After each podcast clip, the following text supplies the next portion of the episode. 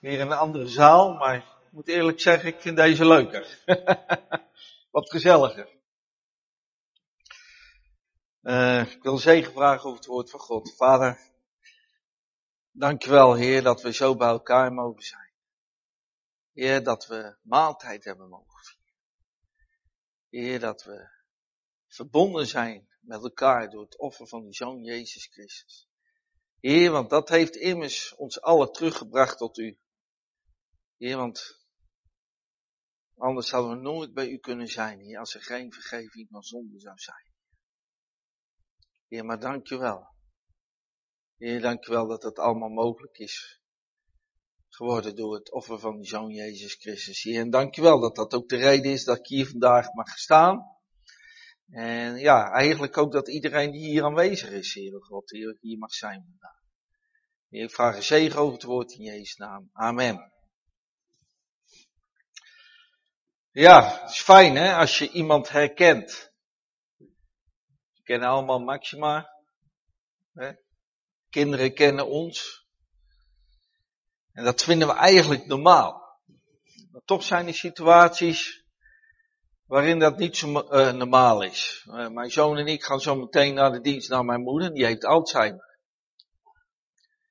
Dus de gedachte die wij zo normaal vinden, is voor haar niet, ja, dat weet ze niet meer. Dat is ze niet meer.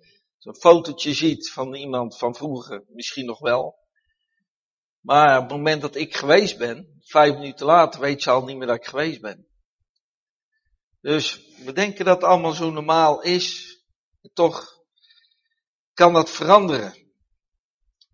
Dat je misschien niet meer de controle hebt over je denken zoals je dat zou willen.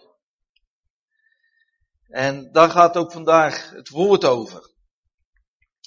Jaren terug zat ik voor de tv, al heel lang geleden. En toen kwam de president van Amerika, die kwam op tv. George W. Bush.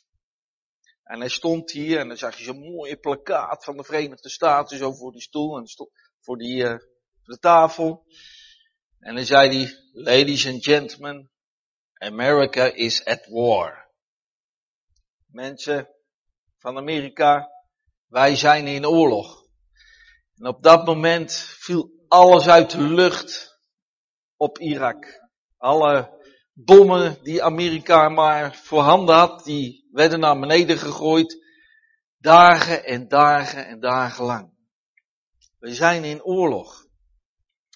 En ik moet zeggen, de situatie van de, het afgelopen jaar, waarin uh, ik en mijn gezin, mijn gezin en ik terecht zijn gekomen, en dat heeft niet alleen met COVID te maken, dat is misschien eigenlijk maar een heel klein onderdeeltje van het geheel, heeft mij toch een beetje doen anders doen denken. Uh, en wel, in die zin, wie controleert mijn gedachten? In 2 Korinthe 10 vers 3 staat, schrijft Paulus het volgende. We leven wel in deze wereld, maar vechten niet met wapens van deze wereld. De wapens waarmee wij, waarmee wij ten strijde trekken, dienen niet ons eigen belang, maar zijn er om er met hun kracht bolwerken te slechten voor God. Met andere woorden, zoals al die bommen op Irak terechtkwamen, alle wapens werden ingezet door de Amerikanen, hoop ik dat we zien, wij zijn in oorlog. In geestelijke zin zijn wij in oorlog tegen de machten der duisternis. En ik hoop, als wij dat beseffen, dat we dan ook alle wapens ten volle zullen inzetten om de bolwerken van de duivel en die de duivel in ons leven opgooit en bij andere mensen te slechten. Het zijn hele andere wapens. Het zijn natuurlijk niet wapens van massavernietiging en, en dat soort dingen. Maar het zijn wel wapens die in feite uh, mensen vrijzetten in de naam van Jezus. De kracht van gebed is daarbij een heel belangrijk onderdeel. En gebed wordt daar zo bij onderschat. De kracht van gebed, lieve mensen. Echt, dat is zo gigantisch. Ik, uh, ik kreeg een filmpje toegestuurd van iemand. Dat was een, een, een, een vrouw en uh, zij had een baby gebaard. En baby was doodgeboren. De doktoren liepen weg. Ja, het babytje is dood. En ze begon te schreeuwen en te bidden tot God. Minutenlang. En op een gegeven moment begon dat babytje te huilen. En het leefde. Kracht van gebed, lieve mensen. Zo belangrijk. Dus we strijden niet met de wapens van deze wereld. Niet met gewone wapens. Maar welke dan wel? Het woord van God. Gebed. De kracht van de Heilige Geest. De wapenrusting die we aantrekken uit Efeze 6. Het zingen. Wat we doen. Vergis je niet, dit zijn krachtige wapens. In Jacobus 5 vers 16 zegt over gebed het volgende. Elia was een mens zoals wij. En nadat hij vurig had gebeden dat het niet zou regenen, is er drieënhalf jaar lang geen regen gevallen op het land. Toen bad hij opnieuw. En de hemel gaf regen. En het land bracht zijn vrucht weer voort. Door gebed regende het niet voor drie jaar lang. Ik heb een, uh, een vriend van mij, mijn beste vriend. Hij is ook christen. Maar dat was niet altijd zo. En ik trok met hem op, we gingen uit, we haalden kattenkwaad uit, we gingen naar de disco's. Ja, dat is tegenwoordig geloof ik niet meer, maar we deden van alles. En, uh, maar ja, hij wilde niet geloven. En ik zat een beetje tussen twee werelden in, zeg ik heel En toen ben ik toch gaan bidden. Toen ben ik me gaan richten op God. Allemaal heeft het misschien wel tien jaar geduurd. Totdat de dag kwam dat hij zijn knieën boog voor Jezus. Was het het waard? Maar wel. Het is nog steeds mijn beste vriend. Hij zit nu ook in de organisatie van opwekking. Hij is vol voor de Heer bezig. Dit jaar wat moeilijker natuurlijk vanwege de corona. Maar kracht van gebed. En Paulus gaat verder in 2 Korinthe 10 vanaf vers 4. We halen spitsvondigheden neer. En iedere verschansing die wordt opgetrokken tegen de kennis van God. We maken iedere gedachte krijgsgevangene om haar aan Christus te onderwerpen. Iedere christen, dus die leeft naar Gods heilige geest, moet dus elke gedachte die hij heet onder gehoorzaamheid brengen van God de Vader, van Jezus onze Heer. En nu kunnen krachten schadelijk zijn, of gedachten schadelijk zijn voor ons, maar gedachten kunnen ook heel krachtig zijn en ons helpen. Het is maar net welke keuze je maakt in het leven. En, en je ziet ook dat toen, toen Mozes in de strijd was met, uh, met, met de Joden tegen de vijanden van, van, van, van, van, van de Joden, dat hij met zijn handen omhoog moest gaan staan. En zolang zijn handen omhoog stonden, gericht stonden naar de hemel, en de Joden, de Israëlieten dat ook zagen, was de overwinning. En op het moment dat hij ze liet zakken, draaide de strijd om. Dus zijn handen moesten gedurende de hele strijd omhoog zijn. En waarom was dat nou? Dat was om gefocust te blijven op God. Op God de Vader. Als wij in strijd zijn, onrust hebben, wat ook in ons leven komt. En geloof me lieve mensen, dat komt in je leven. Daar zijn wij niet van gevrijwaard, ook al zijn we christen. Maar God heeft ons wel wapens gegeven. En een van die wapenen is om gericht te gaan, gericht te zijn op God de Vader. Je daarop te gaan focussen. In gebed te gaan. Te gaan zingen. Ga je Bijbel lezen. Dus hoe denk je? Wat voor gedachten gaan door je heen als je alleen bent? Wie controleert je gedachten? Spreuken 16 vers 32 zegt dat zelfbeheersing uh, beter is dan een stad veroveren. Moet u nagaan. Zelfbeheersing is beter dan een stad te veroveren. Waarom? Als je geen zelfbeheersing hebt, dan verlies je juist. Dan verlies je jezelf. Vandaar ook het woord zelfbeheersing.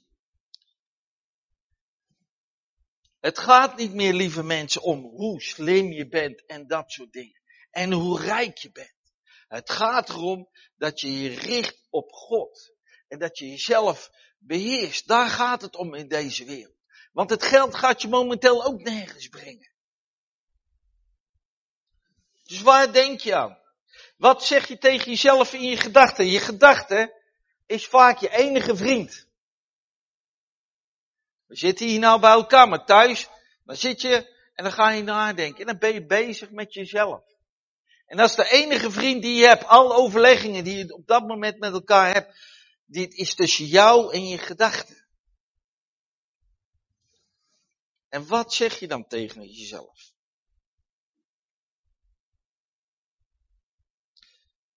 Jesaja 26 vers 3 zegt, standvastige zin bewaart gij in volkomen vrede, omdat men op u vertrouwt. Dat wil dus zeggen dat je God jou in volkomen vrede bewaart, als je gedachten dus op Hem hebt gevestigd. Ik zou nooit mijn moeilijke tijden zijn doorgekomen in mijn leven. En geloof me, ik heb er wat gehad.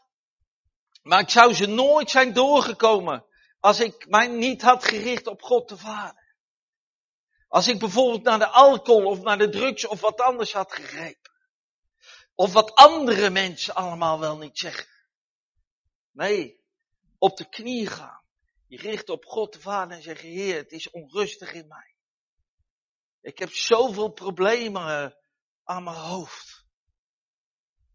Heer, en ik, ik, ik krijg het niet voor mekaar op dit moment. Maar wilt u mij de rust en de vrede geven? Want als je uit rust en vrede gaat werken, dan kan je je probleem tegemoet treden. Als je onrustig bent, maak je hele verkeerde beslissingen.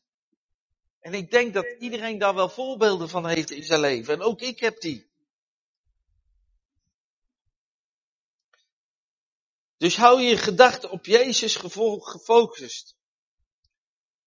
Want als je je gedachten niet richt op Jezus, dan komen de gedachten in je die, uh, ja, die schade kunnen brengen aan je. Nou, heb je niet altijd controle over de gedachten die in je komen. Tenminste, ik niet. Er komt wel, popt wel eens in één keer iets in me op en dat ik denk van, hoe kom ik daar nou bij? En dat kunnen allerlei gedachten zijn. Gedachten over vrouwen of, of, of wat, noem het maar op. Het kan allemaal in je opkomen. Maar het punt is, wat ga je met die gedachten doen? Ga je zoals Paulus het zegt, ga je ze krijgsgevangenen maken? Of doe je er iets anders mee? Ga je het voeden? Krijgsgevangenen en voor de troon van God brengen van, Heer, ik wil dit niet. Haal deze gedachten uit mij weg. Ga je zingen, ga Bijbel lezen, ga iets doen. Maar Zorg ervoor dat je gedachten van die verkeerde gedachten afgewenteld worden. Een voorbeeld daarvan is 2 Samuel 11. David en Bathsheba. En bij het aanbreken van het voorjaar, de tijd waarin koningen gewoonlijk ten strijde trekken, stuurde David opnieuw een leger erop uit, onder leiding van Joab en zijn aanvoerders. Om de Amorieten te verslaan en Rabat te belegeren. Zelf bleef hij in Jeruzalem achter. Op een keer stond hij aan het eind van de middag van zijn rustbed op en liep heen en weer over het dak van het paleis. Beneden zag hij een vrouw die aan het baden was. Ze was heel mooi om te zien. Hij liet uitzoeken wie ze was. En men zei hem, dat, dat is Bathseba, de dochter van Eliam, de vrouw van de Hethiet Uria. David liet haar bij zich komen en sliep met haar.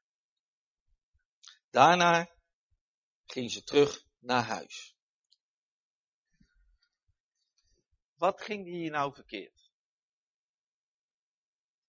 Ten eerste, David deed zijn werk niet. Want zijn werk was dat hij als koning met zijn leger te strijden moest trekken. Dat staat in de Bijbel.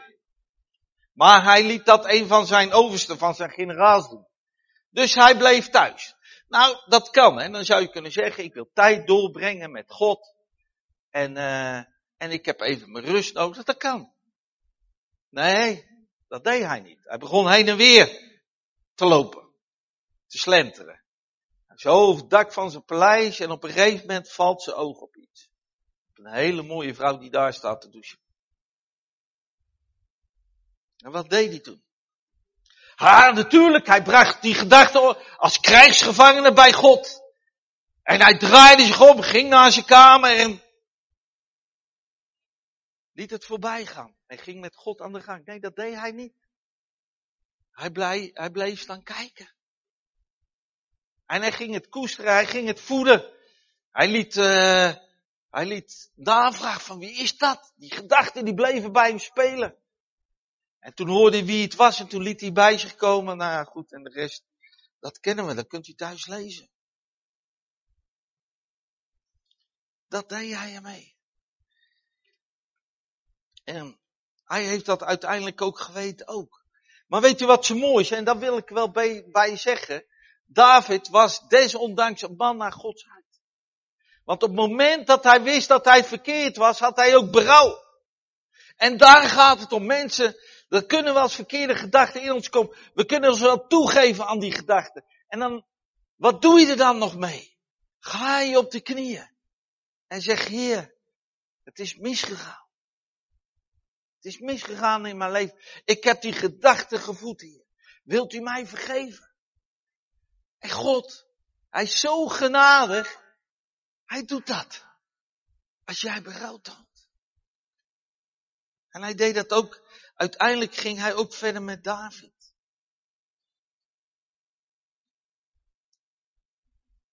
De gedachte van mensen aan Jezus maakt mensen nerveus. Wist u dat? Ik kan met alles over mensen praten, behalve over Jezus. Weet je ook wat de meest religieuze scheldnaam ter wereld is? Jezus Christus. Zet je tv maar eens aan. Ga maar eens Netflix. Al die films af. En ga eens voor de gein, als je niks te doen hebt, eens even turven hoe vaak in de, na, in, uh, de naam van Jezus Christus misbruikt wordt in een film.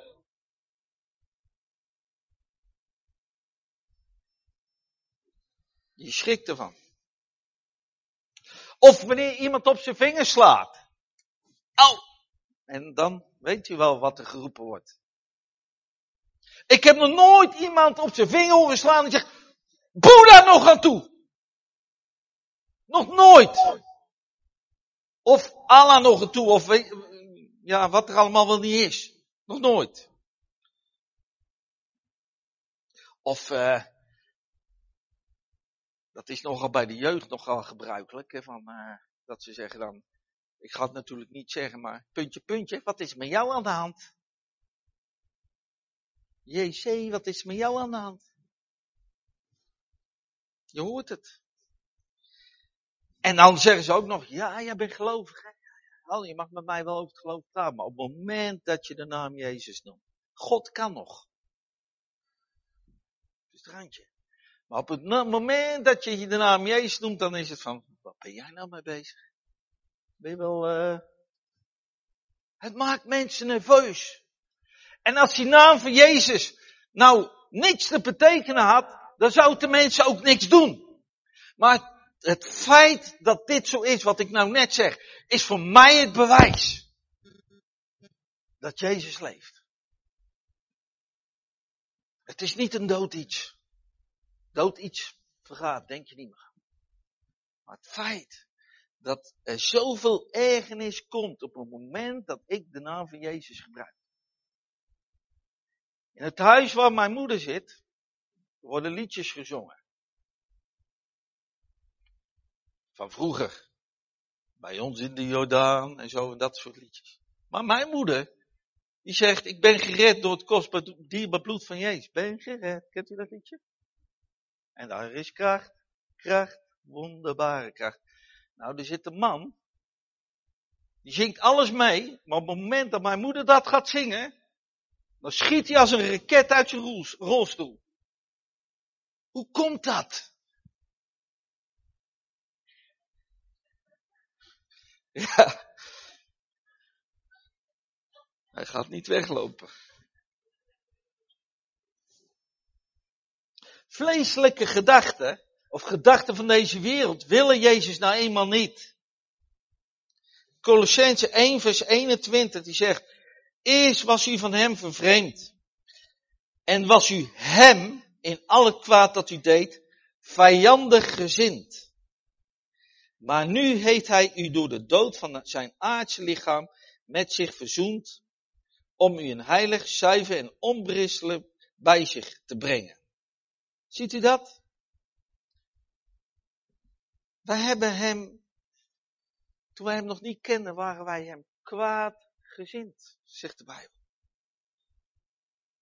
Vijandig en vervreemd. Gezind. En die gedachte, als je hem vijandig gezind brengt, dan breng je dat automatisch in die zonde, in die zondige wereld. En de Bijbel waarschuwt ons voor dat soort gedachten. Gedachten die worden gedomineerd door de duivel of door hebzuchtigheid.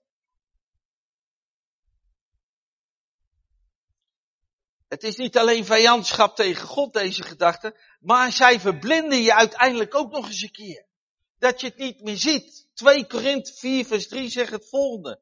Wanneer er dan toch nog een sluier ligt over het evangelie dat wij verkondigen, geldt dit alleen voor hen die verloren gaan. Dus alleen hen die verloren gaan, die hebben die sluier om.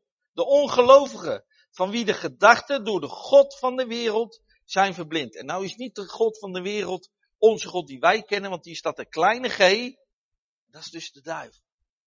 Die heeft die gedachten verblind.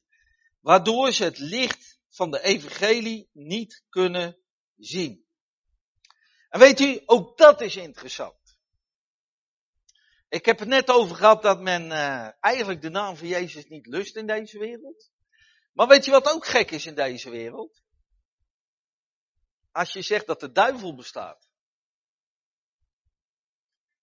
Ben je wel goed bij je hoofd, man. De duivel, dat geloof je toch zeker zelf niet? Hij is er zelfs zo'n meester in dat hij zichzelf buiten schot stelt. En wat krijg je dan? Ja, dat je mensen dan wel over God praat, maar als er dan iets verkeerd gaat, wat zeggen ze dan? Ja, als er nou een God bestaat, hè? Hoe vaak ik dat al niet gehoord heb. Als er nou een God bestaat. Waarom is er dan oorlog? Waarom is er dan dit? Waarom is er dat? Nou, ik kan je vertellen, om het feit dat je niet in de duivel gelooft. Dat de duivel er niet is. En dan krijgt natuurlijk altijd God de schuld. Ja, wat, wat wij ook doet. Als ik bij mensen kom en ik vertel van God, ik heb God niet nodig, want ik heb het goed. En als ik bij mensen kom die zwaar in ellende zitten, waarom doet God mij dit aan? Hoe het ook went of verkeerd, God heeft het altijd gedaan.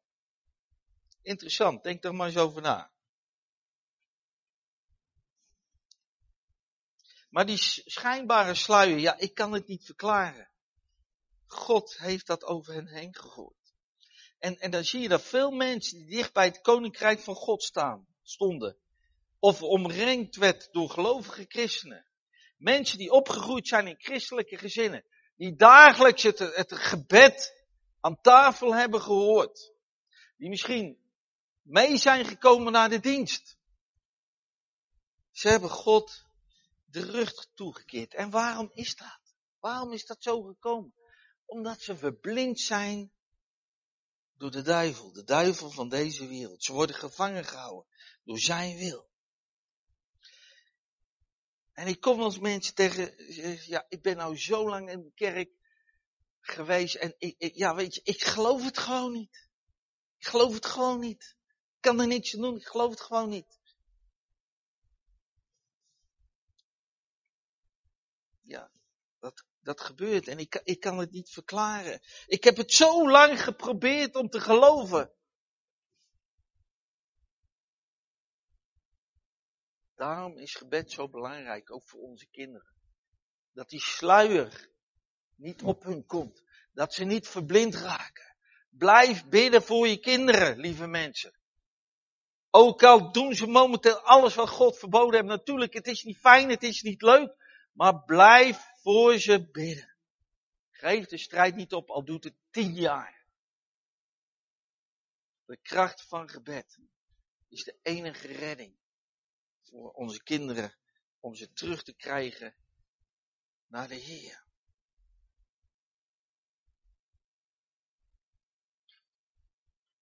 De enige die je kan openen voor deze waarheid, je ogen kan openen, is de Heilige Geest. En bid en vraag Hem. Ook al denk je, ja, ik heb die strijd. Nou, ik daag je uit. Als je zegt, als je misschien hier vandaag zit, misschien ben je wel meegekomen met je ouders. En je, ja, ik moet eenmaal mee naar de kerk. Ik ken jullie gedachten niet, maar God kent ze wel. Maar daar God dan op de goede manier uit en zegt, Heer, als u er dan echt bent, Heer, u, u kent mijn gedachten. U weet waar ik mee zit. Ik wil mijn ouders geen pijn doen. Ik ga maar mee. Heer, maar ik zie het niet, Heer. Ga dan de uitdagingen aan en vraag Gods Heilige Geest. Wilt u mijn ogen openen? Ook dat heb ik met mijn kinderen gedaan, hoor. allemaal.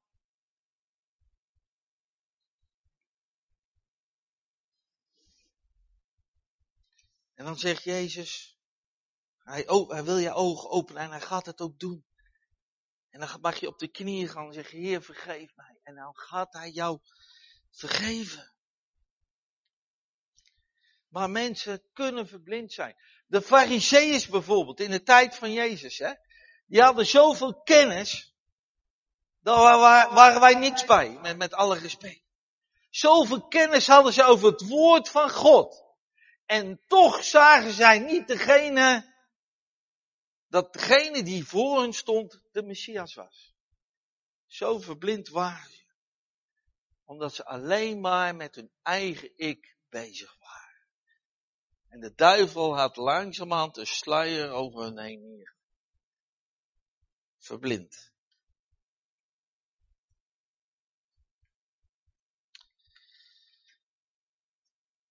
En Jacobus 4, die zegt, uh, waar komt dan al die strijd, al die conflicten bij u uit voort? Is het niet uit de hartstochten die strijd leveren in uw binnenste, in uw gedachten? U verlangt naar iets, maar u krijgt het niet. Waarom niet? Omdat u jaloers en moordlustig bent. Maar u bereikt uw doel niet. U bekvecht en twist met elkaar. U krijgt niets omdat u niet bidt. En als u bidt, ontvangt u niets omdat u verkeerd bidt. U wilt alleen, en dan komt u, uw eigen hartstochten bevredigen. Trouweloze, beseft u niet dat het vriendschap met de wereld vijandschap jegens God betekent? Wie bevriend wil zijn met de wereld, maakt zich tot vijand van God. Denk niet dat dit loze woorden zijn in de schrift. Hij die ons leven gaf, maakt er vurig aanspraak op. Maar de genade die hij ons schenkt, is nog groter. Daarom staat er, God keert zich tegen de hoogmoedigen, maar aan de nederige schenkt hij zijn genade. Onderwerpt u dus aan God en verzet u tegen de duivel. En wat gebeurt er dan? Dan zal hij blijven? Nee, dat staat er niet. Dan staat er, dan zal hij van u wegvluchten. En dat is toch uiteindelijk wat we willen, of niet? Dat wanneer wij verkeerde gedachten in ons krijgen, nogmaals, waar we niks aan kunnen doen, ze komen gewoon naar binnen, om welke reden dan ook. Maar op het moment dat ze daar zijn, dat we weten wat we moeten doen, dat we in gebed moeten gaan, dat we onze Bijbel moeten gaan lezen, ga de Bijbel Blijf de diensten volgen. Ga de Heer lofprijzen en zingen. We kunnen het nou niet allemaal hier doen, maar ga dat dan thuis doen. Maar hij zal dan van u wegvluchten. En tegen wie wordt dat hier nou gezegd? Dat wordt hier gezegd tegen gelovige mensen. Je kunt niet beide wegen eh, bewandelen. Dat je die, die overleggingen uh, hebt van hmm, een beetje in de wereld en een beetje bij God en een beetje in de wereld en een beetje bij God. Dat gaat niet. En dat zegt hier Jacobus. En lieve mensen, de gedachte van de wereld brengt ellende voort. Iemand die alcoholist verslaafd is, is standaard een leugenaar. Hij zal alles bij elkaar liggen om, dat, om toch zijn alcohol te kunnen pakken. Mijn vader was vroeger alcoholist. Hij loog alles bij elkaar. Als hij maar zijn biertje kon vinden. Hij verstopte zelfs een bierflesje bij mij op de kamer. Want daar was, daar dacht ja, mijn moeder komt daar niet. En dan sloopt hij s'nachts naar mijn kamer toe als ik aan het slapen was. Ik zag dat natuurlijk als kind. En dan pakte hij zijn biertje. Standaard een leugenaar. Iemand die drugsverslaafd is. Zal alles doen. Om geld te krijgen, om zijn shot te krijgen. Zal liegen, zal stelen, zal alles doen. Hij, deze mensen hebben hun gedachten niet meer onder controle. ze hebben de controle overhandigd aan iemand anders. Aan hun lusten. En uiteindelijk gaat het erom, in deze wereld, wie heeft de controle over jouw leven? Je kan vinden van COVID-19 wat je wil. Als je Facebook uh, uh, uh, aanzet, dan zie je duizenden theorieën. En wat gebeurt er dan? Mensen gaan eraan denken, gaan het voeden en worden woedend. Gaan. En de ene gelooft dit, de ander gelooft dat. En ik probeer deze gedachte om de heerschappij te brengen van God de Vader. Ik probeer me bezig te houden met Heer, wat wilt u met mij in deze COVID-tijd? Ik zie wat er allemaal, ik zie wat er allemaal geschreven wordt. Heer, maar wat is uw plan met mijn leven? Want God heeft een plan, lieve mensen. Met jouw leven. En als je, ik heb het al eerder gezegd, vorige keer ook al. Als je deze tijd niet doorkomt, hè. Hoe zal het dan zijn als die eindtijd er echt zo meteen komt? Dat wordt nog veel erger. Gebruik deze tijd om je gedachten te trainen. Te focussen op God. Te richten naar Hem. Lucas 8 vers 27 praat over een man die helemaal bezeten was. Die geen controle meer had over zijn eigen leven. Die moest leven in, bij, bij, bij de graven, bij de doden. Niemand wilde deze man meer zien. Hij was zo gek als een deur, zoals we dat hier in Nederland zeggen. En wat staat er dan?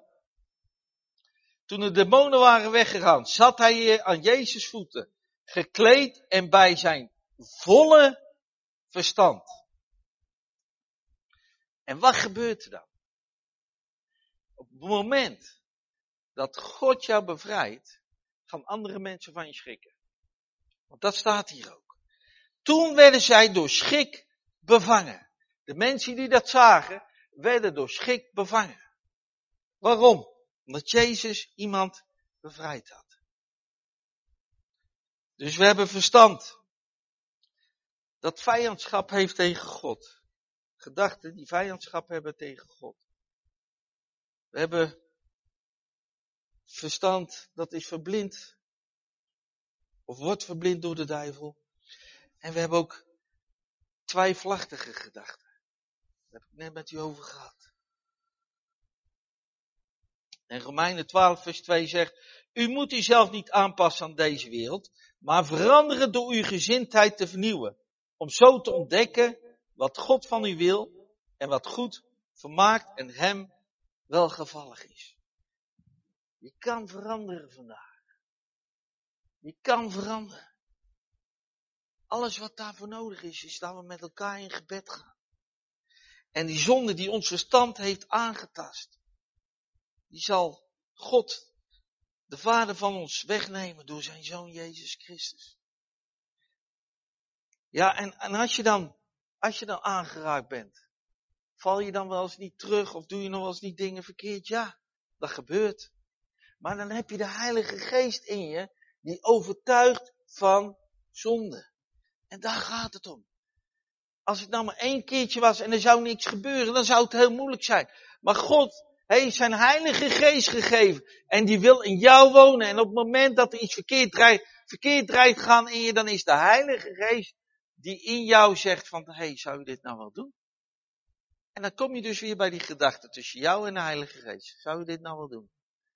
En dan kom je in die situatie die David ook had. Dan kan je dus doen van oké. Okay, hey, ik heb het uit het woord van God geleerd dat ik die gedachte onder heerschappij van koning Jezus moet brengen. Dat ga ik doen. En als je dat volhoudt, dan zegt het woord van God, we hebben het net gelezen, dan zal hij, de duivel, van jou wegvluchten.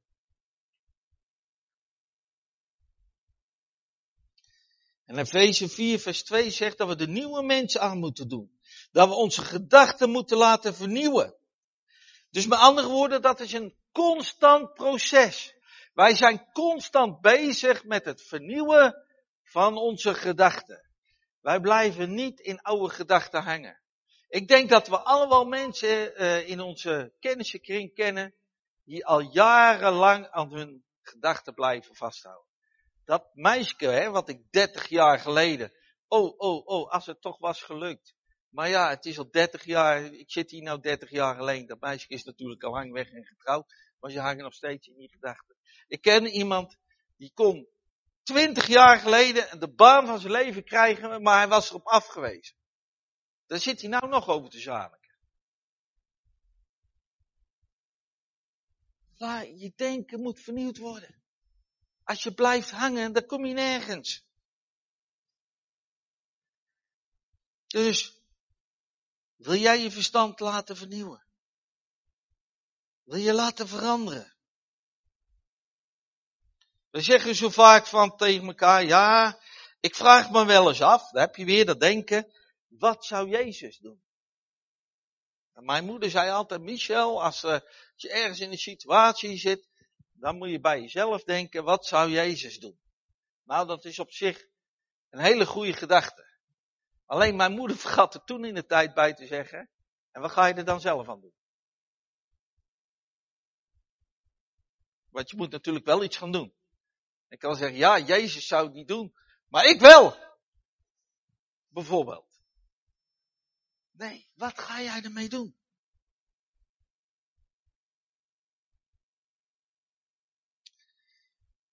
Wil je een puur verstand hebben? Wil je een geestelijk verstand hebben die in verbinding staat met Gods Heilige Geest? Lieve mensen, ons aardse lichaam zal vergaan.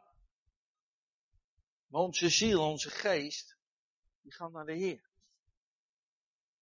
Afhankelijk van de keuze die je maakt, uiteraard.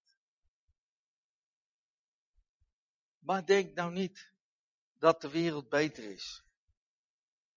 Ik heb een vriend van me die zegt, ja, maar uh, wie zegt nou dat kiezen voor God de juiste keuze is? Ik zeg, nou, ik heb je het een en ander verteld. Ik zeg, bewijs jij nou maar eens iets. Zeg nou maar tegen mij of jij een beter iets hebt. Is er dan iets beter wat jij me nu kan vertellen dan de Heer Jezus Christus?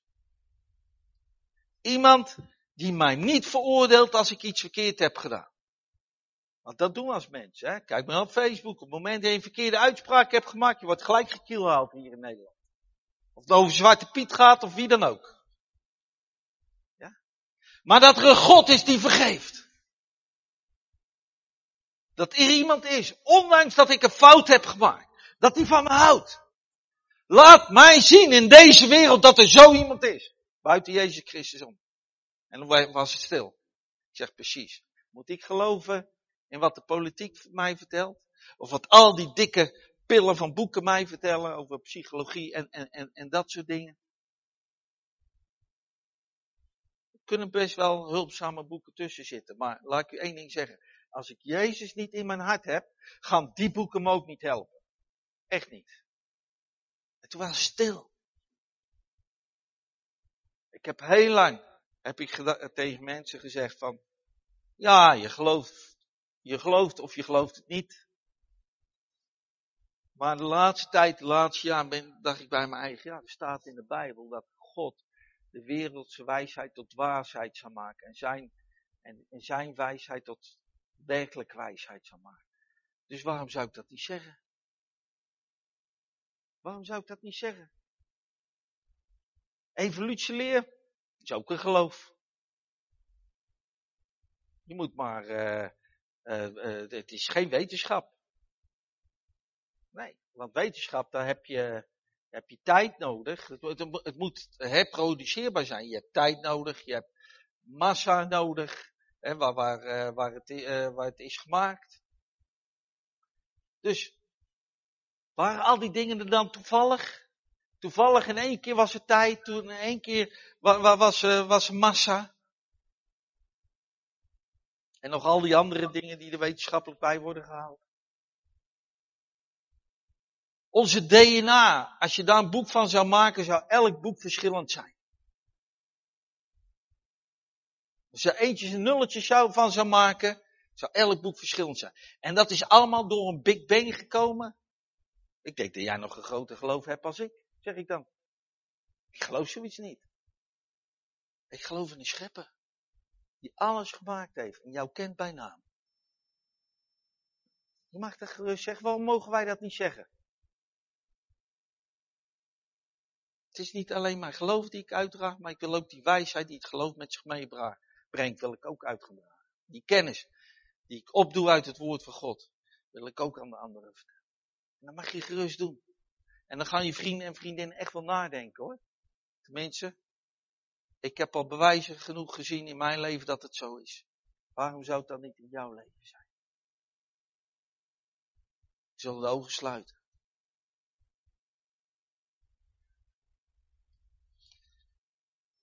Heere God, we komen voor je troon.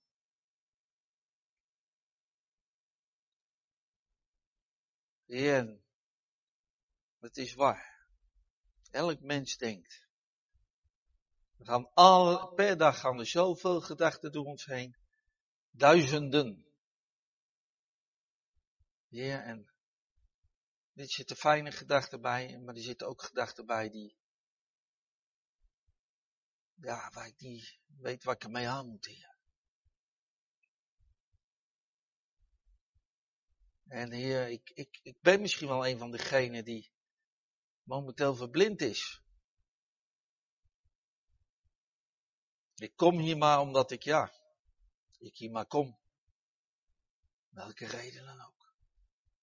Heer, maar ik wil vragen. Wilt u deze sluier van mij wegnemen, vader? Dat ik de blijdschap ook kan hervinden. Dwars door al mijn problemen heen. Er werd vanmorgen in de voordienst gebeden voor de kinderen. De kinderen die niet meer komen, die u hebben losgelaten. Heer, of u ze terug wil brengen. Nou, ik schaar me achter dit gebed. Heer, dat onze kinderen de weg naar u mogen vinden. Heer, dat ze een persoonlijke relatie met u mogen gaan krijgen, Heer Jezus. En dat ze zeggen, pap, mam, je bent altijd meegegaan voor de kerk, ja, voor jullie, het moest nou eenmaal. Maar vandaag, vandaag, vanaf vandaag, ga ik mee omdat ik dat zelf wil. Heer, ik wil ook danken voor degenen die zich laten dopen. Vijf dopelingen. Geweldig. Geweldig dat we dat ook gewoon door laten gaan in deze coronatijd. Heer, ik ken die mensen niet. Heer, maar ik wil ze voor je troon brengen. Heer, en misschien zijn er nog wel bij zeggen, ja, ik moet een statement maken. Ik wil Jezus volgen. Ik wil mijn gedachten onder heerschappij brengen van de levende God. En ook ik heb me nog niet laten dopen. Geef jezelf op. Ga in gesprek met de leiders van deze gemeente. Heren, wilt u vandaag de naspreker zijn met uw heilige geest in de gedachten van deze lieve mensen hier? Wilt u bij ze zijn? En zegenen in de naam van Jezus. Amen.